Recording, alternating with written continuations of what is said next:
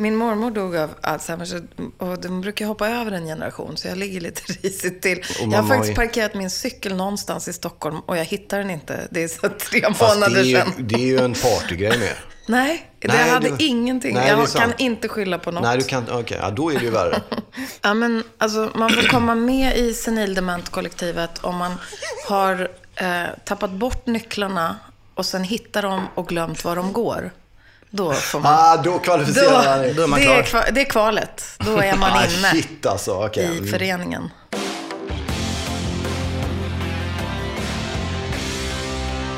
Okej Marcus, då Då kör vi. är, då är det ju en stor glädje att få hälsa välkommen till podcasten som vi valt att kalla vadå, Mikael? Öppet hjärta. Ja, med Birro och... Strandberg. Det är jag som är Birro, Marcus i förnamn och du är då... Mikael Strandberg. Exakt. Från Bengtsfors. Bengtsfors, Dalsland. Ja, det är riktigt. Och var är vi någonstans? Just det, vi sitter på eh, hotell Drottning Kristina va? Precis på Birger Jarlsgatan 24. Ja, i Stockholm. I, en, eh, i ett rum som eh, du betalar. Kan man säga. Eller? För det är ja. stort och jag skulle aldrig ha råd att bo här. Kan vi väl sammanfatta det läget så? Mm, Det där kändes inte jätteviktigt. Nej, men. Men, Okej, någon, men ja, någon, någon betalar. Men Ja. det är klart, nu Det är en nämner svit kan vi säga. Men det är väldigt fint här. Det är högt i tak, kristallkrona. Vi har en balkong där det fäster en stor svensk flagga. Ja. Som vi måste förhålla oss till. Och så välkomnar vi vår gäst Regina Lund hit. Hej Regina! Hej! Hur är läget? Det är bara bra. Tack för att jag får komma hit till det här vackra rummet. Tack för att du ville komma hit. Vi ska säga det till att Regina faktiskt har eh, tagit sig hit trots att hon är förkyld. Och har feber. Men vi måste säga det. Ja. För du vet att det är folk hade, eh, andra folk hade inte åkt hit. Nej, men jag avstod från att gå på teater igår kväll och eh, låg istället hemma. Och eh, kurerade mig så att jag skulle ha kraft att komma hit i alla fall och prata lite. Gud vad trevligt. Det känns som du prioriterar oss. Ja, Ja, det är jag stort prioriterar alltså. det. Det gillar man. Absolut. En grej jag tänkte på lite om man har ett visitkort. Har du ett visitkort?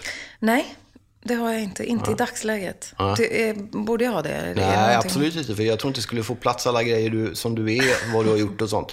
Jag tycker ju, sånt ska ju premieras. Människor som rör sig över gränser är väl någon form av tema i den här podden lite. Om du i det läget du befinner dig nu i början av 2017 skulle definiera dig själv utifrån någon form av yrkesrelaterad roll. Vad är du då nu mest? Vill du att det ska kunna platsa på ett visitkort? Nej, visst inte. Du får platsa bara. Det får vara hur långt som helst. Nej, men jag tror att jag, om jag får lov, så skulle jag vilja vara bara Regina. Mm. Och under liksom det taket så får det vara vad som helst som jag bestämmer. Men eh, yrkesmässigt så är jag ju just nu framförallt skådespelerska eftersom jag filmar. Och framförallt låtskrivare och sångerska för att jag, det är det jag liksom håller på med just nu Mm. mest. Men om man följer det på Instagram så kan man också få sig en författad, möjligen då, men ändå en mening om att du är konstnär med. Ja, det, är jag har ju haft en, tack så mycket, 14-15 utställningar kanske. Ja. Och ehm, ja, när du frågade om jag kunde ta med min diktsamling Ja. så hade jag ju ingen kvar. Nej. För att den sista är fäst i ett konstverk. Precis, och det konstverket har Regina med sig här. Så vi slänger en blick bakåt på den och den kommer läggas upp sen eh, på lite Facebook-sidor i samband med avsnittet. kan ni gå in och kolla på den där om inte annat och så. Det blir jättesvårt Marcus att sätta Regina i ett fack alltså. Ja, men det är det som är så roligt. Vi älskar ju människor som inte sitter i ett fack här. Eftersom det finns en väldig massa människor som är väldigt ängsliga och vill sätta folk i fack. Det måste du också upplevt genom åren. Jo, naturligtvis. Alltså, det har ju varit en röd tråd genom hela min karriär kan man väl säga. Att när jag gick ut scenskolan, eh, jag kom in på scenskolan när jag var 21. Ja. Och när jag kom ut så blev jag ju en offentlig person nästan direkt i och med att jag gjorde Ofelia Hamlet, jag gjorde Laila Klang i radio. Jag fick pris för bästa musikalartist i Hetaste laget och jag var med i Rederiet. Och då på den tiden, på 1800-talet, när dinosaurierna gick omkring. Då fanns det ju inte allt det här som finns nu, Facebook och Instagram och det här enorma flödet. Och poddar och eh, allt det här. Det fanns inte den slags artist som eh, framförallt inte bland kvinnor, som både var liksom komiker, låtskrivare, eh, poet, författare, performance. Det fanns inget liksom, forum för det. Så jag tror att jag fick liksom någon slags bara rakt av titel konstig. Så att det, det har jag nog kämpat. Och så blev det närmsta facket blev liksom sexsymbol och någon slags liksom Marilyn Monroe-fack. Som jag sen fick liksom raka av mig allt hår och bryta ut och döpa mig i blåbärssoppa och göra olika performance. För att liksom bryta den liksom bilden. Men varför, tro, varför tror du att det är, det är så viktigt för, för många att sätta människor i, i, i ett fack? För du verkar ju liksom ha snurrat runt det på något sätt. Ja. ja. Eh, Johan Rabaeus brukar säga att jag inte sitter där man sätter mig. Men eh, jag, jag vet inte om det är en bra egenskap. Eh, Jag, Jo, det är en bra Ja, men, men, tror människor att- verkar bli förvirrade av att man inte Men det är kan ju värre sätta dem i- ändå. De blir väl provocerade av Nej det? men alltså, ja kanske. Ehm, jag tror att vi måste på något sätt förhålla oss i världen till att allt vi kan vara säkra på är att, det enda vi kan vara säkra på är att allting är föränderligt. Och jag tror att människor längtar efter trygghet. Vi längtar efter trygghet. Jag tror alla längtar efter trygghet. Att veta hur saker och ting förhåller sig, hur saker och ting är, hur man ska förhålla sig till en människa. Och människor som är otrygga i sig själva blir ju extremt otrygga om de inte vet vem det är de möter eller vad det är de har framför sig eller runt sig. Och det, jag förstår det och respekterar det. Så jag har verkligen, jag har skrivit en låttext som handlar om det. Den heter Less is less som finns på Year Zero-plattan.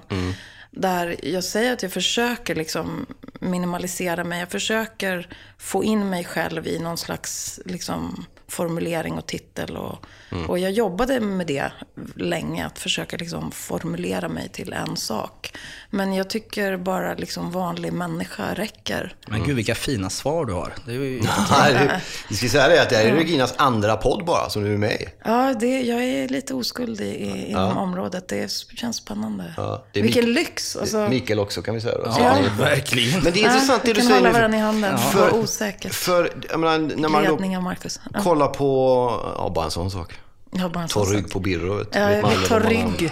Det är tryggt. Då kände jag liksom så att, det har du ju helt rätt i att du liksom har rört dig i olika grejer. Men jag tänkte inte på tidsaspekten där. Att när du började med det så var det ju extremt ovanligt att få. Och du var jättekonstig. Det tyckte ju även en del av oss som i, i vår lilla värld också var lite konstiga.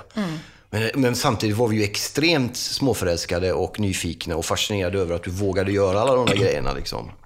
Just för det perspektivet hade jag inte riktigt, att det är liksom för 25, 25 år sedan någonting. Och då var det ju ännu färre. Och framförallt då, precis som du säger, extremt få kvinnor som gjorde det. Ja, det var det. Så jag var väldigt ensam där. Ja, och först. Ja, det får man nog säga. Det var ju liksom pre-Lady Gaga och det fanns ju inte... Nu är det så häftigt. Jag, om jag på något sätt har sparkat upp någon dörr för de kvinnor som finns idag och flickor som, som får uttrycka sig så mångfacetterat och i så många konstformer och medium och på så många olika sätt. Ja. Så är jag oerhört tacksam. Då har det varit värt, allt lidande har varit värt. Jag tänkte just det, för att när man är först så får man ju också en massa skit för det. Ja, ja, du det måste klart. ju ha fått, bara stå utifrån så hörde man och märkte en del av de svallvågorna. Hur tog du det då? Kommer du ihåg det? Nej men det var ju kopiösa mängder skit man fick ta. Jag kommer ihåg att jag kräktes någon gång i någon buske. Första löpsedeln så här, därför klär jag av mig naken.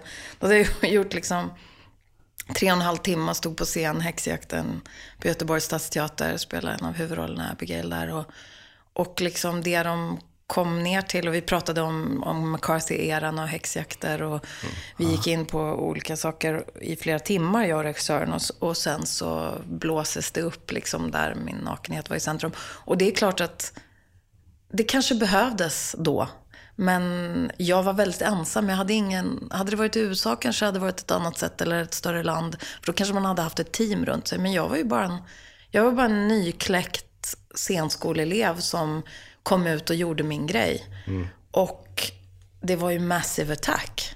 Och jag var helt ensam. Var du oförberedd också? Ja, jag var oförberedd. Det var jag. Fick du någon hjälp eller var det någon som stöttade dig? Eller hur, hur? Nej, det kan jag inte säga. Nej, men jag körde på liksom. Du bara körde på? Och eh, gick till teatern eller till inspelning eller pågick och försökte liksom göra min grej. Jag kommer ihåg Johan Söderberg som jag var ihop med då som spelar i Lucky People Center och, och med lite med Fläskkvartetten och sådär. Han, han stöttade mig då när det var som värst tror jag. Då, då var det liksom Men nu blir jag lite så spontant nyfiken på... blåst liksom. Då hade jag någon att hålla i handen. Men, men ja, det, det är ju... Jag du är på- ju ensam i en ja, sån ja, upplevelse. Jag förstår, jag förstår. Men jag liksom. tänker så här nu direkt. Eh, familjen, hur, eller liksom hur, vad har du för relation där? Eller vad, kunde de hjälpa dig? Eller har du, hur, hur ser det ut där? Nej, men de pågick ju i sina egna liv. Liksom. Min släkt på min pappas sida är ju inte i, i min bransch. Eh, och inte på min mammas sida heller, men min mamma och pappa är i branschen. Eh, pappa dog 2007. Pappa stöttade mig. eh, och mamma också så gott hon kunde. Men de var ju både, min mamma var ju aktiv Ja, i teater och min pappa också. Mamma skådespelerska, dansös och pappa regissör och, och, och teaterchef. Och de var ju, hade fullt upp med sina mm, nya familjer och sina arbeten. Plus att det fanns ju liksom inget prejudikat på det jag höll på med. så det fanns Det ingen... kommer ju efteråt nu. Nu efteråt kan man sätta det i ett sammanhang Ja, och man har exakt, ord för det. Men, exakt. men du, du, du, du hugg ju liksom en gång, du var den första som hugg en gång i många av de där grejerna. En stig fram liksom. Ja, det, det får man nog säga. Så det var nog svårt också att stötta. Jag är inte uppvuxen med mina föräldrar, utan jag är uppvuxen med mina farföräldrar. Min farmor och farfar Viggo och Brita. Viggo var försvarsadvokat i Gävle och startade Allmänna advokatbyrån i Gävle.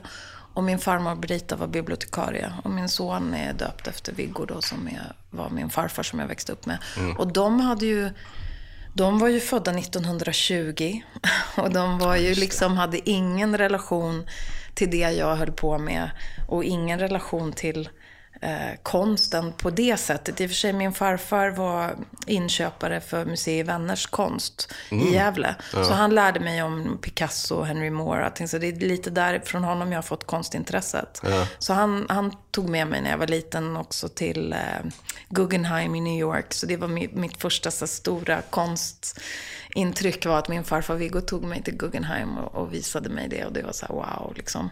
Så min revolution ju, jag kom ju in på juristlinjen först och sen sökte jag scenskolan. Det är roligt. Den ordningen också. Ja, så min, min, jag tror att min, ehm, min revolution var nog att det har varit poesin, låtskriveriet, att hitta det där lite finstämt. Och mina föräldrar höll ju på mycket med politisk teater. Jag var med i tältprojektet när jag var tio bast. S- Sjöng liksom, vi vill ha bröd, vi vill ha potatis, vi vill ha varm mat när vi arbetar. Och så Sven Wollter och Johannes Brost och alla de där vuxna som, som man då hade omkring sig när jag hälsade på min mammas värld. Var ju, det var ju arbetarklass, det var Nationalteatern. Min styrpappa var basist, eh, Håkan Wennberg, Ah, i Nationalteatern. ja, just det. Så det var ju liksom den världen. Och sen åkte jag hem till Underbart. farmor och farfar där det var liksom böcker i bokhyllan. Telefonen är till för korta meddelanden. Liksom. De var från Mhm. Skåne. Det var strikt. Det var liksom och ordning och reda och eh, väldigt sträng uppfostran. Och sen till pappa som gifte om sig med en kvinna med två nya barn och fick min lillebror. Så då kom jag till en, fick fina styvsystrar och en lillebror. Och min storebror bodde med min mamma i Göteborg. Underbart. Så då hade jag liksom, jag bodde i Gävle med min farmor och farfar som hade fem utflugna barn. Åkte till pappa som var teaterchef i Luleå, och Reykjavik och Vasa i Finland och om vartannat. Mamma i Göteborg som turnerade över hela Sverige. Och storebrorsan där också. Så att jag, jag liksom åkt, satt på tåg väldigt mycket i hela mitt liv. Liksom rest till olika platser kan man väl säga. Men du har ju, det kan man ju säga då, alltså om man ser på det på det sättet då, eh, där har du ju ett kulturellt spektra. ja. Som du är en del som du är nu. Så det är väldigt okonstigt, eh, som en av mina kollegor uttrycker det nu. eh, Jag tycker om det ordet. Det är väldigt okonstigt egentligen om man, som du säger, Marcus, tittar på det i retrospektiv. Så var ju det jag höll på med helt okonstigt. Det var ju bara olika konstformer i olika, liksom, från olika kulturella bakgrunder som bara fick en mix. Men när du tittar tillbaka på det då, när, din uppväxt och som, eh, som barn och, och sådär, där du kommer ifrån. Hur, hur känns det då? Ser du tillbaka på det med glädje eller Ja, men alltså... är du nöjd? Man kan ju inte spola tillbaka livet liksom. Nej, det får man hur- göra nä- bättre nästa gång. nej, jag, jag, Men du tycker att du har haft det bra? ja men alltså. Jag har haft tak över huvudet och mat för dagen. Och, och eh, jag har liksom två ben och två armar och kläder på kroppen. Och jag, jag var elitgymnast som barn och fick liksom utlopp för det. Jag hade jättebra lärare i skolan. Ehm, Men jag undrar ändå i samband med det då, vad, vad hände under, började du på juristlinjen? Ja, jag påbörjade juristlinjen. Ja, det måste ju ha hänt någonting under inledningen på juristlinjen tills att man, nej, jag, det här verkar ingen bra karriär. Jag åker och häller blåbärssoppa på mig på en ambassad och skriver dikter istället. Det måste ju ha hänt någonting där. nej, men... Ursäkta. Ehm, Annars, annars för, för menar, det är ju inte det, är inte det naturliga steget att ta. Jo, ja, men det är väldigt okonstigt också. Ja, okej, bra. Mm. Eh, tyvärr. Nej, men Jag föddes ju av en skådespelande mamma och en regisserande pappa. Okej, Och pappa var teaterchef för Svenska Teatern i Vasa.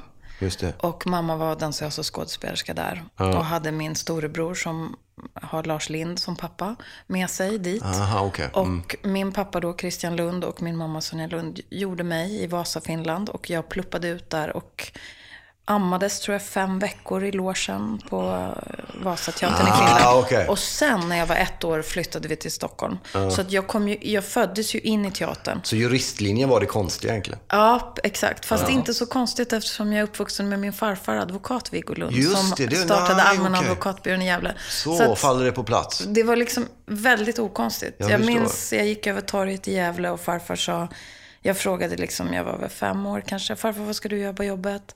Han bara, jag ska försvara den här som, har stuckit en, som de tror har stuckit en kniv i ryggen på en annan. Och jag bara, varför ska du göra det? Ja, men någon måste ju försvara honom också. Tänk om han är oskyldig. Och de orden var liksom någonting som satte sig i mig. Tänk om han är oskyldig. Och det på något sätt så vände min, mitt perspektiv då när jag var sådär liten. Och då tänkte jag, jag ska också göra det. Vända på perspektivet. Tänk om han är oskyldig.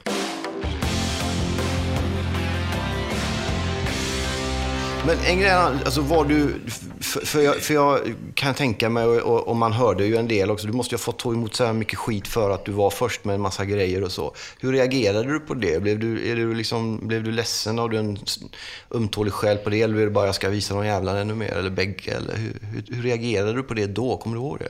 Ja, jag var ju ganska tilltufsad, det var jag. För då kan man ju inte luta sig tillbaka och säga, ja men jag är först. Nej, Man fattar ju inte det förrän i efterhand. Liksom. nej precis. Nej, det var nog, det var, det var kämpigt. Det har inte varit lätt. Det har inte varit. Men sen, när du hade gjort alla de här lite konstigare grejerna, eller okonstiga grejerna, beroende på vilket småborgerligt liv man lever. Och, och sen fick den här rollen i Rederiet. Så, som tog iväg på ett annat... Du vad hände då med liksom, den andra delen av det du hade gjort innan? För då blev ju plötsligt, ja, men du spelade någon stram kvinna i dräkt som gick runt där och var, och alla tittade på det. Jag menar, alla kollade på Rederiet på den tiden. Nej, men eh, kronologin är ju så att allting skedde samtidigt. Jaha, det är den explosionen. Ja, så det var ju det som var Massive Attack. Liksom. Det var, jag, jag blev stalkad på, liksom, för rederiet. Jag, hade, jag var tvungen att flytta för att jag hade liksom, stalkers utanför lägenheten. få- Ja, de stod och hoppade på någon, jag bodde på nedre botten och de stod och hoppade på någon bil för att se vad jag var. Och de, Men de var liksom- kära i eller tyckte du? Ja, eller inte i mig, men i rollkaraktären. Liksom. Var det rollkaraktären du var ute efter? Ja, det tror jag. Ehm, eller det, var- det var väl någon kombo kanske.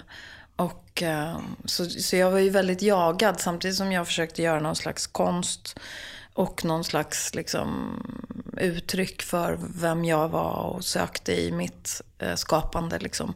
Och Eh, jag var ju nyutexaminerad från scenskolan och jag spelade Ofelia Hamlet. Och jag filmade Rederiet och jag gjorde Laila Klang i radio som var en komisk figur som jag improviserade. Samtidigt? Under Allt var ganska samtidigt. Ja, Ja, ja. och sen, Det är underbart. sen eh, när jag gjorde Hetaste laget och, och vann pris för bästa musikalartist, då blev det väl lite så här, lite lugnare, liksom en väg mera. Man kommer till sexsymbolgrejen in där också. Jo, då, kom det, då blev det väldigt mycket Var det smickrande eller blir man bara arg? Får, får man erkänna att man blir glad över det? Ja, det, jag var ju jätteglad. Jag, hade, jag var sent utvecklad och hade väldigt små bröst och var nog väldigt så mycket tomboyish. Och inte alls sexsymbol när jag var liten, utan jag var så här elitgymnast och liten kaxig, osexig tjej.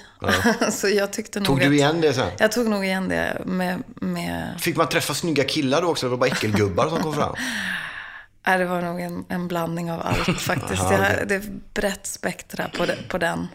Ja. Men eh, den här, alltså då när, de här, eh, inga jämförelser i övrigt, jag försöker också göra en massa olika saker, men jag undrar i ditt fall, fick, kunde de här eh, mer publika grejerna som Rederiet och de här stora rollerna och så, kunde det öppna upp folk för diktsamlingarna eller lite annat, de smala grejerna du gjorde? Eller, eller konkurrerade du med dig själv?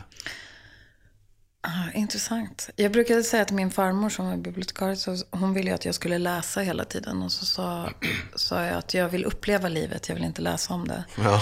Och eh, jag sa att farmor, jag kommer bli läst efter min död, sa jag, när jag var sex år. Och det Oj. tror jag faktiskt fortfarande. Att jag, jag tror att jag liksom samlar på mig material som, som... Just nu tror jag att jag själv står i vägen för mitt eget skapande. För när jag släppte min min debutplatta Unique 97. Ja. Då, då var det ju väldigt, det var ju väldigt kämpigt att överhuvudtaget få släppa den.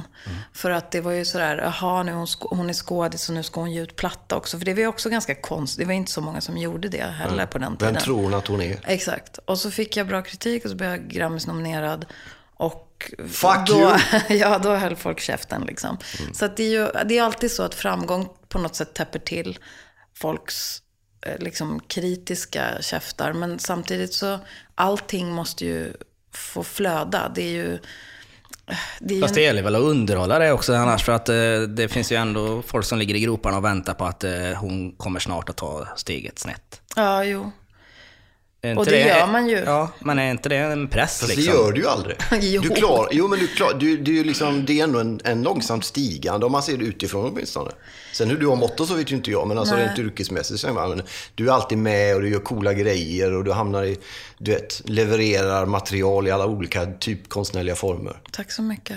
Nej men det är ju det är inget, du gör ju det. Nej, men- ja, tack. Nej, men jag försöker. Men man kan väl se det så. Jag har gjort en massa plattor, sju, åtta stycken plattor som ju inte har nått någon, någon ekonomisk, kommersiell framgång. Så där har jag inte varit så, så begåvad. Men vad jag har varit begåvad inom var, är väl att ha varit kompromisslös och ändå försökt under de svåraste Även under de svåraste förhållanden så har jag ändå skapat hela tiden. Eh, Även om jag har haft det motigt på massa plan så har jag ändå hela tiden producerat någonting. Ja.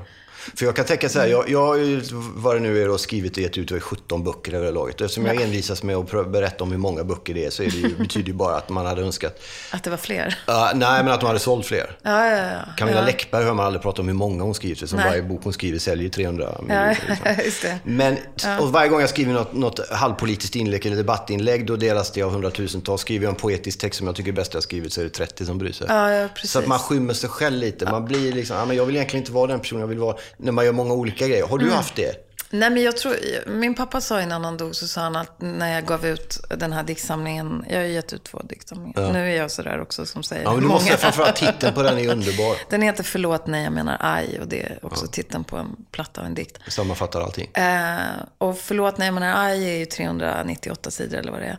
Och då sa min pappa, det där är, det är liksom för lång, det är för tjock diktsamling. Och du kommer aldrig kunna livnära dig på att vara poet. Och så är det ju. Liksom. Det, det kanske man inte kommer. Att det kanske är det som jag hade varit om jag hade, om jag hade kunnat livnära mig på det så hade jag kanske fokuserat bara på dikterna.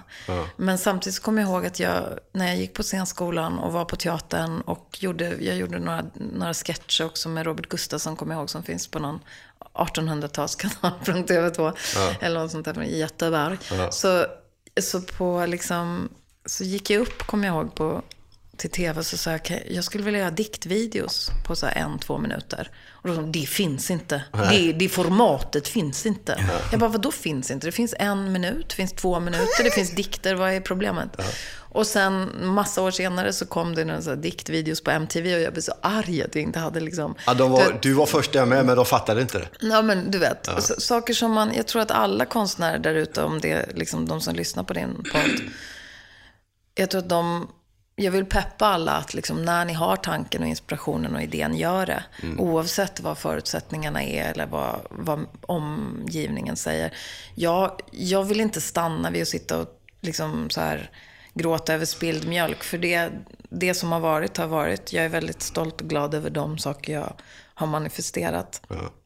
Sen kanske man önskar att man hade varit eh, bättre på att njuta av det när man var där. Ja, I, liksom, när jag blev Grammis-nominerad för Unique-plattan och var på Warner och de ville liksom göra hur många plattor till som helst. Istället för då att hoppa av och starta ett eget skivbolag som jag gjorde, Regina Records, och göra min egen platta på trots som jag fortfarande än idag betalar av på. Så, så känner jag att jag kanske borde ha, om jag ska liksom sitta här och ångra någonting, så kanske är det att jag borde ha liksom värnat om de resurser som fanns runt mig. Att Var lite mer strateg. Liksom. jag var lite mer strateg och inte bara gå på liksom känsla. Mm, fast du har ju ett uh, ruskigt driv liksom och det, det, det, det kan ju bli både både ens... Och ibland blir det bra, ibland fall, ja. Ja, men lite så att eh, det är ändå tack vare drivet som det har blivit så mycket och att du har fått gjort så mycket. Ja, man, Såklart. alltså, jag har väl varit så här att jag har sett till. Jag har inte suttit och väntat. Alltså som skådespelerska, jag såg ju mina föräldrar och deras kollegor. Hur de kämpade och jobbade liksom. Och jag vet ju också att det, du får ingenting gratis. Jag har ju sett både uppgång och fall. Jag såg liksom min pappas uppgång och fall och uppgång. Och allting har sin insvängning och allting är kurvigt. Och då visste ju jag liksom att om jag ska överleva i den här branschen, då måste jag också ge uttryck för andra aspekter av mig själv. Så att jag inte står och faller med att någon säger, jag vill ha dig, jag vill inte ha dig. Exakt. Du duger, du duger inte. För jag tror att om man är i händerna på både sin publik eller den som är ens arbetsgivare, då blir man ofrånkomligen fruktansvärt olycklig. För förr eller senare så får man inte den där rollen eller det där jobbet, eller man omständigheter runt omkring gör att någonting tar slut. Liksom. Ja, jag förstår menar. Så Jag det var tänker- väl kanske en gardering för att Ja, jag inte klarar av Men när saker tar slut. Vad, vad av allt, allt som du gör, får man väl säga då, vad, vad av allt tycker du liksom är roligast? Det är en jättekul fråga. Va? Ah, Den frågan får jag, har jag fått hela mitt liv. Jag kan så, va? fortfarande inte svara på den. Ja. Ja. ja, alltså jag tycker det är jättekul att sitta här och prata med er just nu. Det roligaste är när man kan vara i, i stunden. Ja, Jag, är på en vacker plats med trevliga människor. Vi har en fruktskål och en kopp kaffe. Ja, det är riktigt. Det Det är fantastiskt. Det är jättebra. Men att, uppträdande ja. där är väl att vara i nuet? Ja. Att stå på scen är mycket Jag älskar att stå på scenen. Jag älskar när det är en bra produktion. Jag älskar att skriva låtar. Jag älskar att vara i studion och sjunga. Jag älskar det. Och du får göra det också. Ja. Jag tänkte på det, du gick scenskolan i Göteborg 89-92 va? Stämmer det? Eh, 89 till 92, ja. Det var ju både Göteborgs och råkar ju även vara min då stormodrangperiod. där. Sågs vi någon gång då i Göteborg? Jag minns inte det Nej, det gjorde alltså. vi inte det. För det hade jag nog kommit ihåg. Men jag Ja. tänkte ifall det var någon väldigt hysterisk natt på någon form av Klara. Minns du någonting av den tiden? Ja, ja, jag har ett, till skillnad då från Regina som säger att hon har dåligt minne så har jag ett plågsamt bra minne. Ja, vad fantastiskt. Ja, men då hade ju du kommit ihåg om jag hade Exakt, sagt. men jag Jag vill- kanske, självbiografin kanske ska heta Jag minns ingenting. Eller vad var det jag sa? Eller, jag vet inte vad... Vad var det som, vad var det som hände? Vad hände? Det måste vi ta nu. Den ska jag egentligen ta på slutet till alla. Men memoarerna då? Måste skriva dina memoarer, det fattar du va? Jag minns ingenting. Ja, men det är klart du gör ändå. Ja, nej men alltså jag fick, en jag fick ju frågan, jag fick frågan tror jag, första gången jag fick frågan jag skriva mina memoarer, då var jag 27, 28 tror jag. Fatta vilken ynnest. Ja, men då, tänk om jag hade gjort det då, vad bra. Då hade jag ju liksom kommit ihåg saker och ting upp till Ja, dit exakt. i Men alla precis, fall. det är det som är min poäng. Nu minns jag ju liksom ingenting. Nej, men det är därför du måste göra nu en Man gör en del. ny karta kan man säga. Ja, exakt. Ja. Men en Nej, del men ett Jag liksom. känner så här att, jag känner, för att svara på din fråga, så, eller på båda era frågor, så är det ju, alltså jag älskar att filma, jag älskar att göra allt det jag gör. Jag är så tacksam när jag får göra det på, i, inom bra omständigheter. Men samtidigt när jag har gjort någonting så känner jag att nu börjar det. Allt, Ja. det liksom, jag har allting framför mig. Ja. Och så, så kommer jag nog alltid känna, att jag har allting framför mig.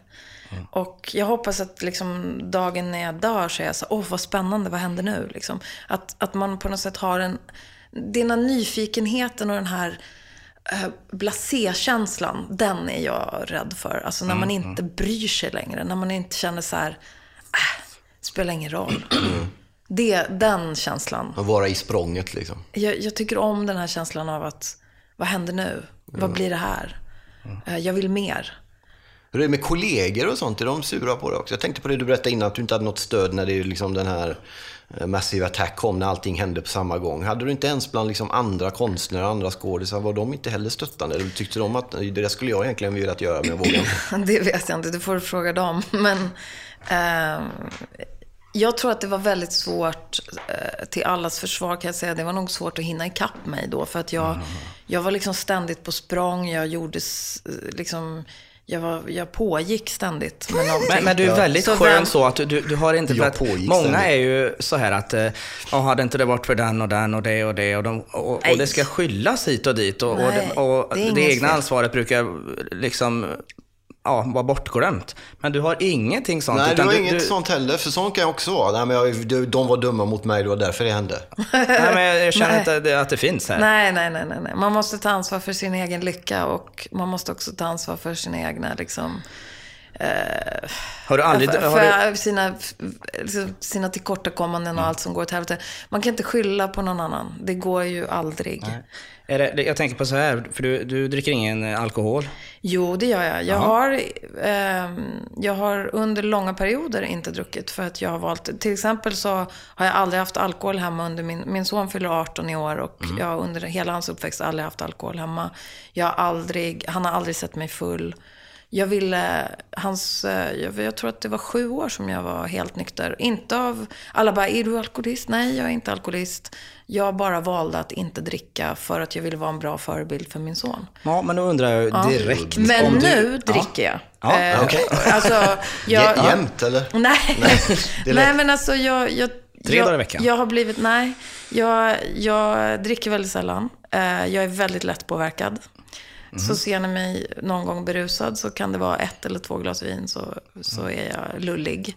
Men ehm, jag tycker om att vara vaken och jag är också väldigt så här, känslig och skör och tål inte så mycket berusningsmedel. Jag är väldigt lätt påverkad och då tar jag liksom lite, försöker jag ta ansvar för det. Mm. Jag måste kan. bara fråga också där då, för att du tar ju ändå ett beslut där att hålla upp i sju år och du tänker på barnen och så. Är det någonting själv som du har varit med om eller som gör, eller varför tar du ett sånt beslut? För att jag menar, man kan ju ha alkohol hemma utan att vara en dålig förälder. Eller, Absolut, eller jag dömer ingen. jag- det var bara nej, ett nej, val nej. jag, jag Ja, gjorde. var, liksom. varför gör du det valet? Eh, därför att jag, det var viktigt för mig. Eh, för eh, jag tyckte det var jobbigt när jag var liten att se fulla vuxna. Ehm, jag ville inte vara full i närvaro av barn. Ehm, jag tyckte det var otrevligt. Sen är det ju så med barn också att det räcker ju med, man behöver ju inte vara full för att, du- alltså efter ett glas vin, oavsett hur lättpåverkad man är, så sker det ju en form av identitetsförskjutning hos Ja, alla. det. Och det märker ju barn. Ja. Är det några som märker det så är det ju barn. Liksom. Exakt. Nej, jag fattade det beslutet också för att min, min pappa drack väldigt mycket. Och jag såg också, det var ju den tiden då under så här, ah, de, kretsarna som jag kom till när jag hälsade på mina föräldrar, där var det ju väldigt mycket alkohol. Och jag såg väldigt mycket smärta och jag har upplevt väldigt mycket smärta kring min pappas alkoholmissbruk. Och jag har också sett människor runt mig som har liksom fallit på det och alltså som mår väldigt dåligt av det. Så det var, blev ett liksom enkelt val för mig. Men efter jag fick cancer och tillfrisknade så kände jag, då var det en kompis med mig som sa, men Regina kom igen, ta ett glas vin, slappna av, du har liksom överlevt cancer, fira lite. Och då så kände jag att jag ville göra det. Liksom. Att nu känner jag att nu är jag inte lika, jag var också så militant vegan och vegetarian en period, men nu äter jag lite av allt och jag dricker lite och jag liksom är mer tillåtande. Jag har varit ganska hård mot mig själv. Jag vet inte om det har att göra med liksom Det låter som du är med, alltså det, det, det sista du beskriver låter mer i balans. Ja, kanske. Jag vet inte. Bättre eller sämre. Jag, jag får dåligt samvete varje gång jag äter en köttbit. Jag får dåligt samvete varje gång jag tar ett glas vin. Jag får dåligt samvete varje gång jag tänker att, eh, på liksom, saker som man gör som inte är bra för planeten. Så att jag tror att jag skulle vara en, en kanske mer harmonisk människa om jag inte hade så dåligt samvete eller om jag inte, om jag levde lite mer kanske som, var lite mer så här, eh, fyrkantig som jag var förut. Jag gillade det med mig själv, men nu måste jag vara lite snällare för annars orkar jag liksom inte leva. Jag måste vara lite snällare mot mig själv. Då Liksom. var det som en, alltså en missionerande vegan också. Så där var Ja, jag var skitjobbig. Jag Ah, så här, okej. delade ut eh, liksom... Alla skulle läsa A New Earth av Eckart Tolle och alla skulle liksom ha Earthlings.com-filmen och, och liksom... Jag, absolut, jag ville omvända hela planeten till att bli vegetarianer. Och nu inser jag att liksom... Vad glad jag är att jag träffar dig idag. ja. Nej, det vet jag inte. Jag tr- tycker att jag gjorde bra grejer då också. Liksom. Men det, det tar ju väldigt mycket på, på energin och, och vara sådär missionerande. Plus att, eh, jag vet inte, det blir... eh, Ja, jag, jag, jag gillar att vara mer tillåtande. Jag är tillåtande mot andra människor, men jag har inte varit så tillåtande mot mig själv. Så nu tänkte jag med åren bli lite bättre på att vara liksom tillåtande även mot mig själv. Men jag tänkte en sak du sa om alkoholen där, att eh, du, du var att du är känslig eh, av olika sådär, och skör och så. Och, det kan ju, och, då och därför, det, kan ju vara en anledning till att man vill dricka också. Absolut. För att döva den här liksom, känsligheten. Absolut. Det är så skönt att koppla bort den, stänga av. Man, alla reglerna går ner och man är liksom, ah, slippa känna och ta in hela tiden. Ja, precis. Ja, nej men... eh, För jag- konstnärligt lagda tror jag det är en risk när det gäller Ja, missbruk. visst är det. Ehm, jag vet inte vad era erfarenheter är, men jag, jag märker ju också att som offentlig person, eh, så när man har ögonen på sig och Mm. när man är liksom analyserad och utredd och liksom på något sätt hela tiden det ska tyckas och tänkas om en, så är det klart att då blir det är nästan så, så att man vill bara så här, eh, eh, säga, ja men fuck you, liksom jag gör hur jag vill. Mm. Och bli, så här, överkonsumera någonting. Mm. Men eh, det är bara en tanke i sig själv. Jag Där kan- har ju du jag- erfarenhet, Marcus. Ja, men jag- Eh, ja, jag vet, jag vet inte vad din Nej, jag- erfarenhet jag- är. Jag, jag är vet ju- bara att liksom... Jag är ju nykter alkoholist nu. Okej, jag Eh, visste inte det. Nej, men det är inget konstigt. Ja. Nej, det är fantastiskt. Det är det bästa som finns att vara nykter alkoholist. Ja. Dels alla roliga år man hade med spriten.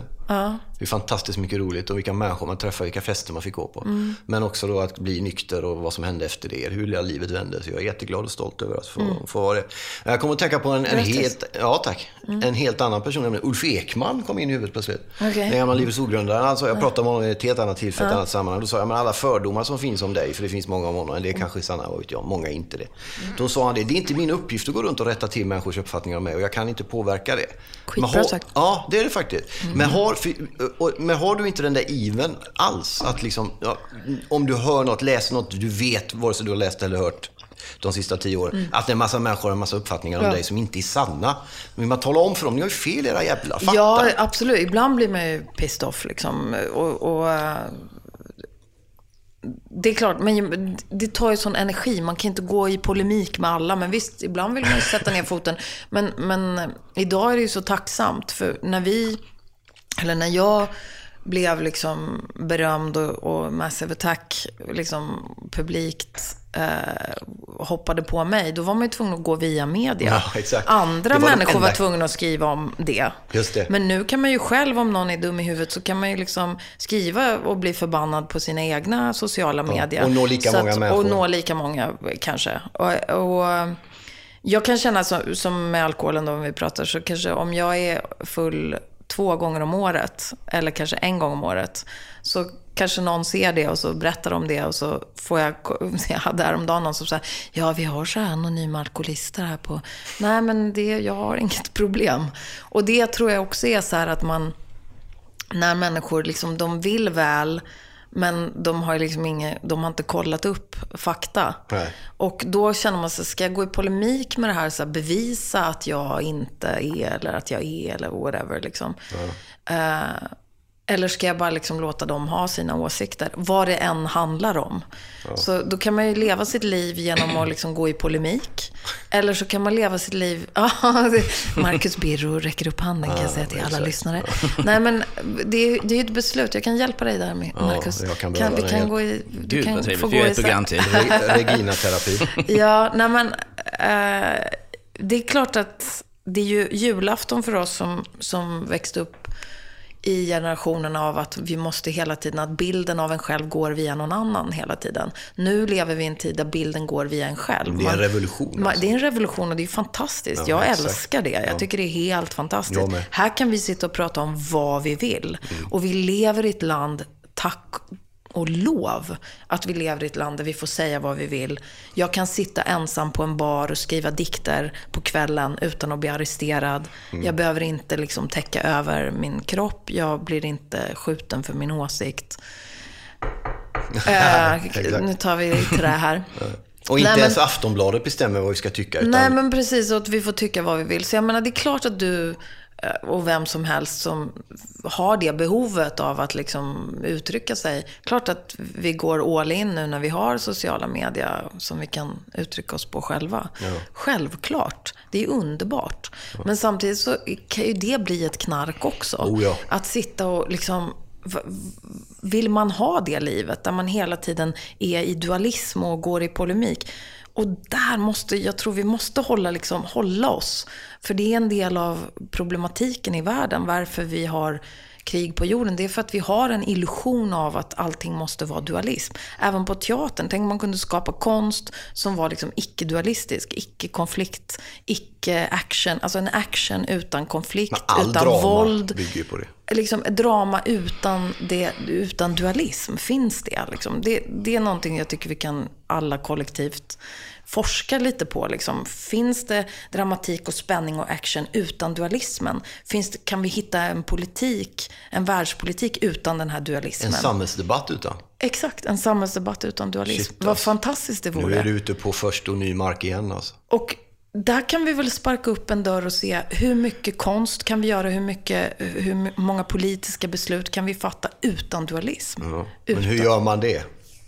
Ja, det, det, åt, det får våra barn eh, lösa. Ja, vad skönt. Vi lämnar det till dem. Det känns ju som en, att byta naturlag. Liksom. Nej, men vi kanske kommer på det efter det här, liksom, sen, när vi, har, när vi har stängt av apparaten. Det är kanske är någonting som inte kommer ske via de van... Vi kanske måste komma, hitta en helt ny hierarki, kanske en, en, ic- ett icke-monetärt samhälle och ett icke-hierarkiskt samhälle där det inte är liksom där de som bestämmer inte har någonting att förlora. Där de inte har barn som vill gå i speciella skolor. Eller där de inte fattar beslut utifrån det som ska gagna just deras område. Eller vad det nu handlar om. Utan människor som är altruistiska. Som kan fatta beslut som är för allas bästa. Och det är ju sådana ledare som vi måste ha. Som inte har egna ekonomiska eller emotionella intressen av saker och ting. Utan som kan vara helt transparenta och helt altruistiska. Och de, jag vet inte var de ledarna finns liksom. Och det kanske måste vara att vi måste bli våra egna ledare. Och dit är vi ju på väg med den sociala medier. ordningen, ja. En grej som jag tänkte på lite. eh, Var du utbytesstudent i eh, Salt Lake City? Ja, det stämmer. Apropå Ulf Ekman, höll jag på att säga. Äh, va? Det är mormonerna som eh, härjar där, va? Ja, mormoner. Blev du påverkad något av dem, den rörelsen där? Eh, nej, det kan jag inte säga. Eller, det var ju en häftig upplevelse. Jag gick ju på East High School i Salt Lake City, Utah. Ja. Och det var en, eh, det var en fantastisk upplevelse naturligtvis. Det var ju också sådär en helt ny värld att komma in och kunna skriva upp sig på vilka ämnen man ville. Så, wow, creative writing och franska och computer literacy och health och alla som de det här. passade och, och, och, och, ja, jag Ja. älskade det. Så jag spelade vattenpolo och dansade i så här contemporary dance company och ja, jag gjorde allt jag kunde. De bara, du kan inte skriva upp dig på så här 15 ämnen, du får bara ha sju.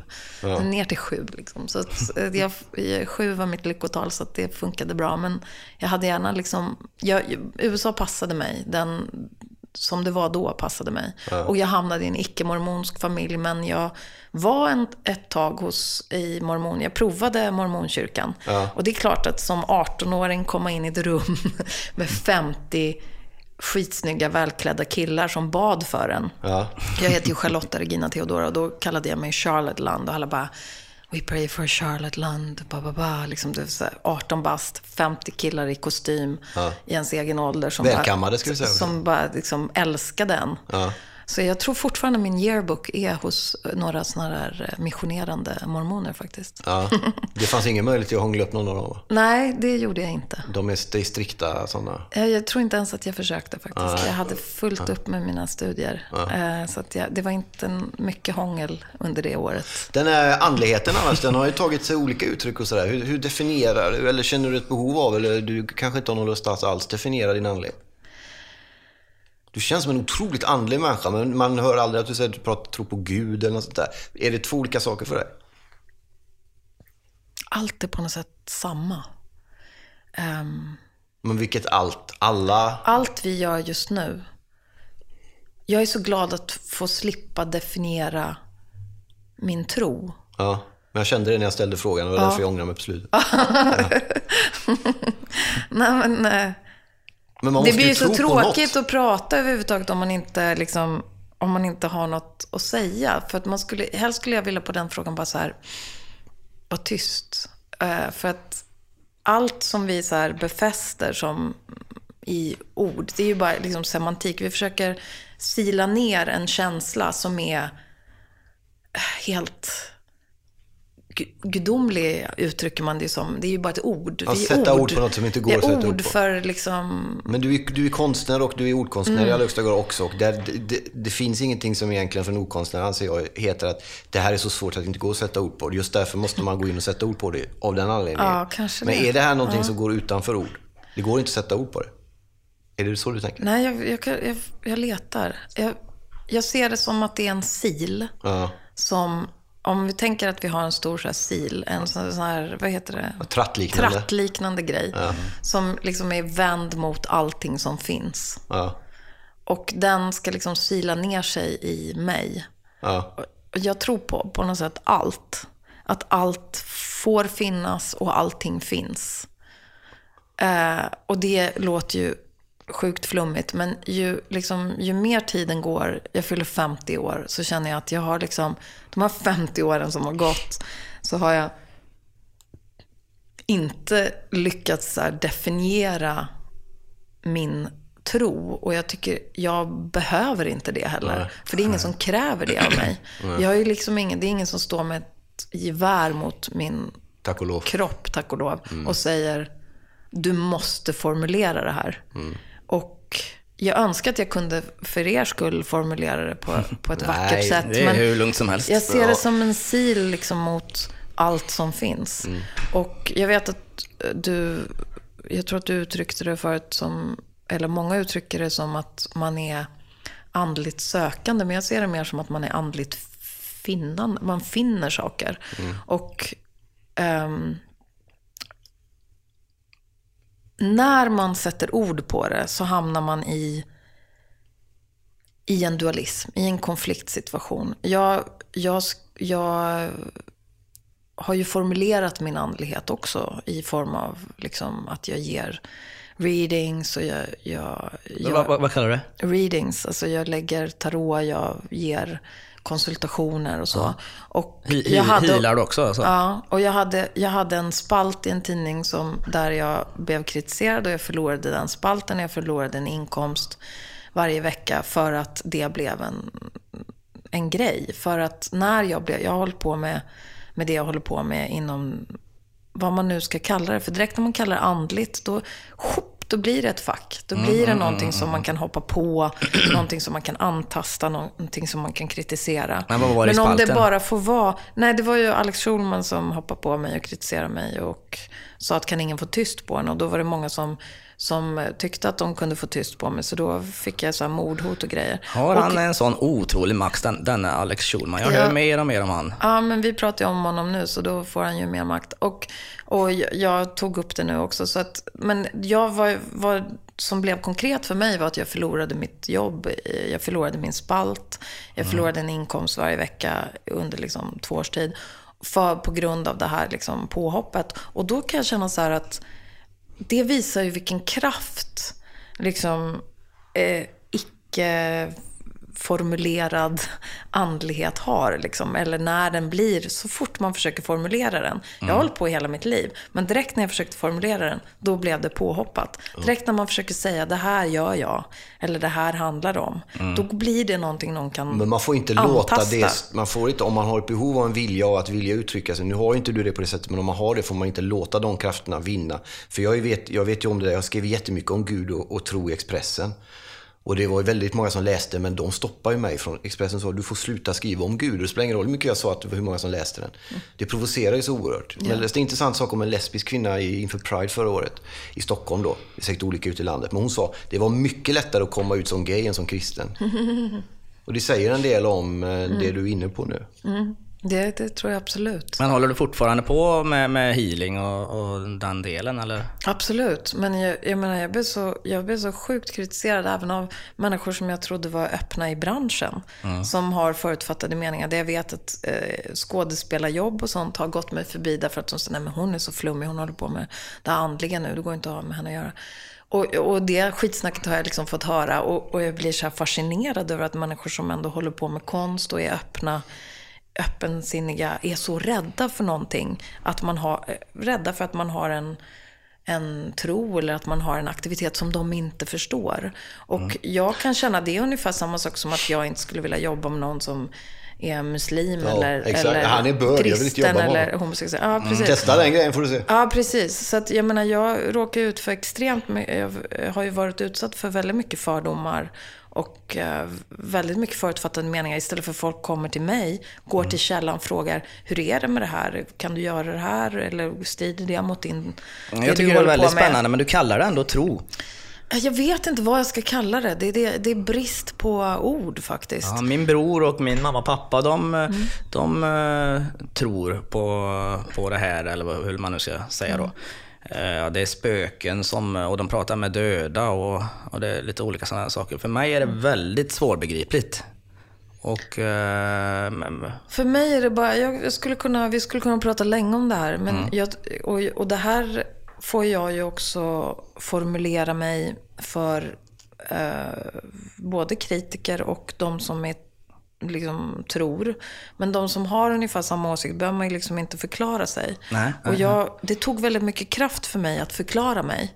Därför slutade jag göra det. Som Marcus säger, man ska ju inte upphöra göra det man tror på. Men samtidigt så, om man inte har kraft att gå i polemik hela tiden, att, att, att hela tiden förklara sig. då- Det, liksom, då får man ju inte kraft att göra det man vill göra. Nej, utan då exakt. handlar allting om att förklara sig och gå i liksom någon slags försvar. Men vad jag skulle kunna säga till dig är att det är som ett glas vatten. Om du har, liksom, du har det framför dig.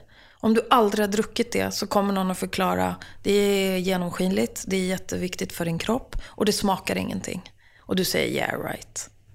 Det tror jag inte på. Nej men drick då. Och så dricker du och så känner du allt det här. Då kan du, då vet, då tror du inte, då vet du.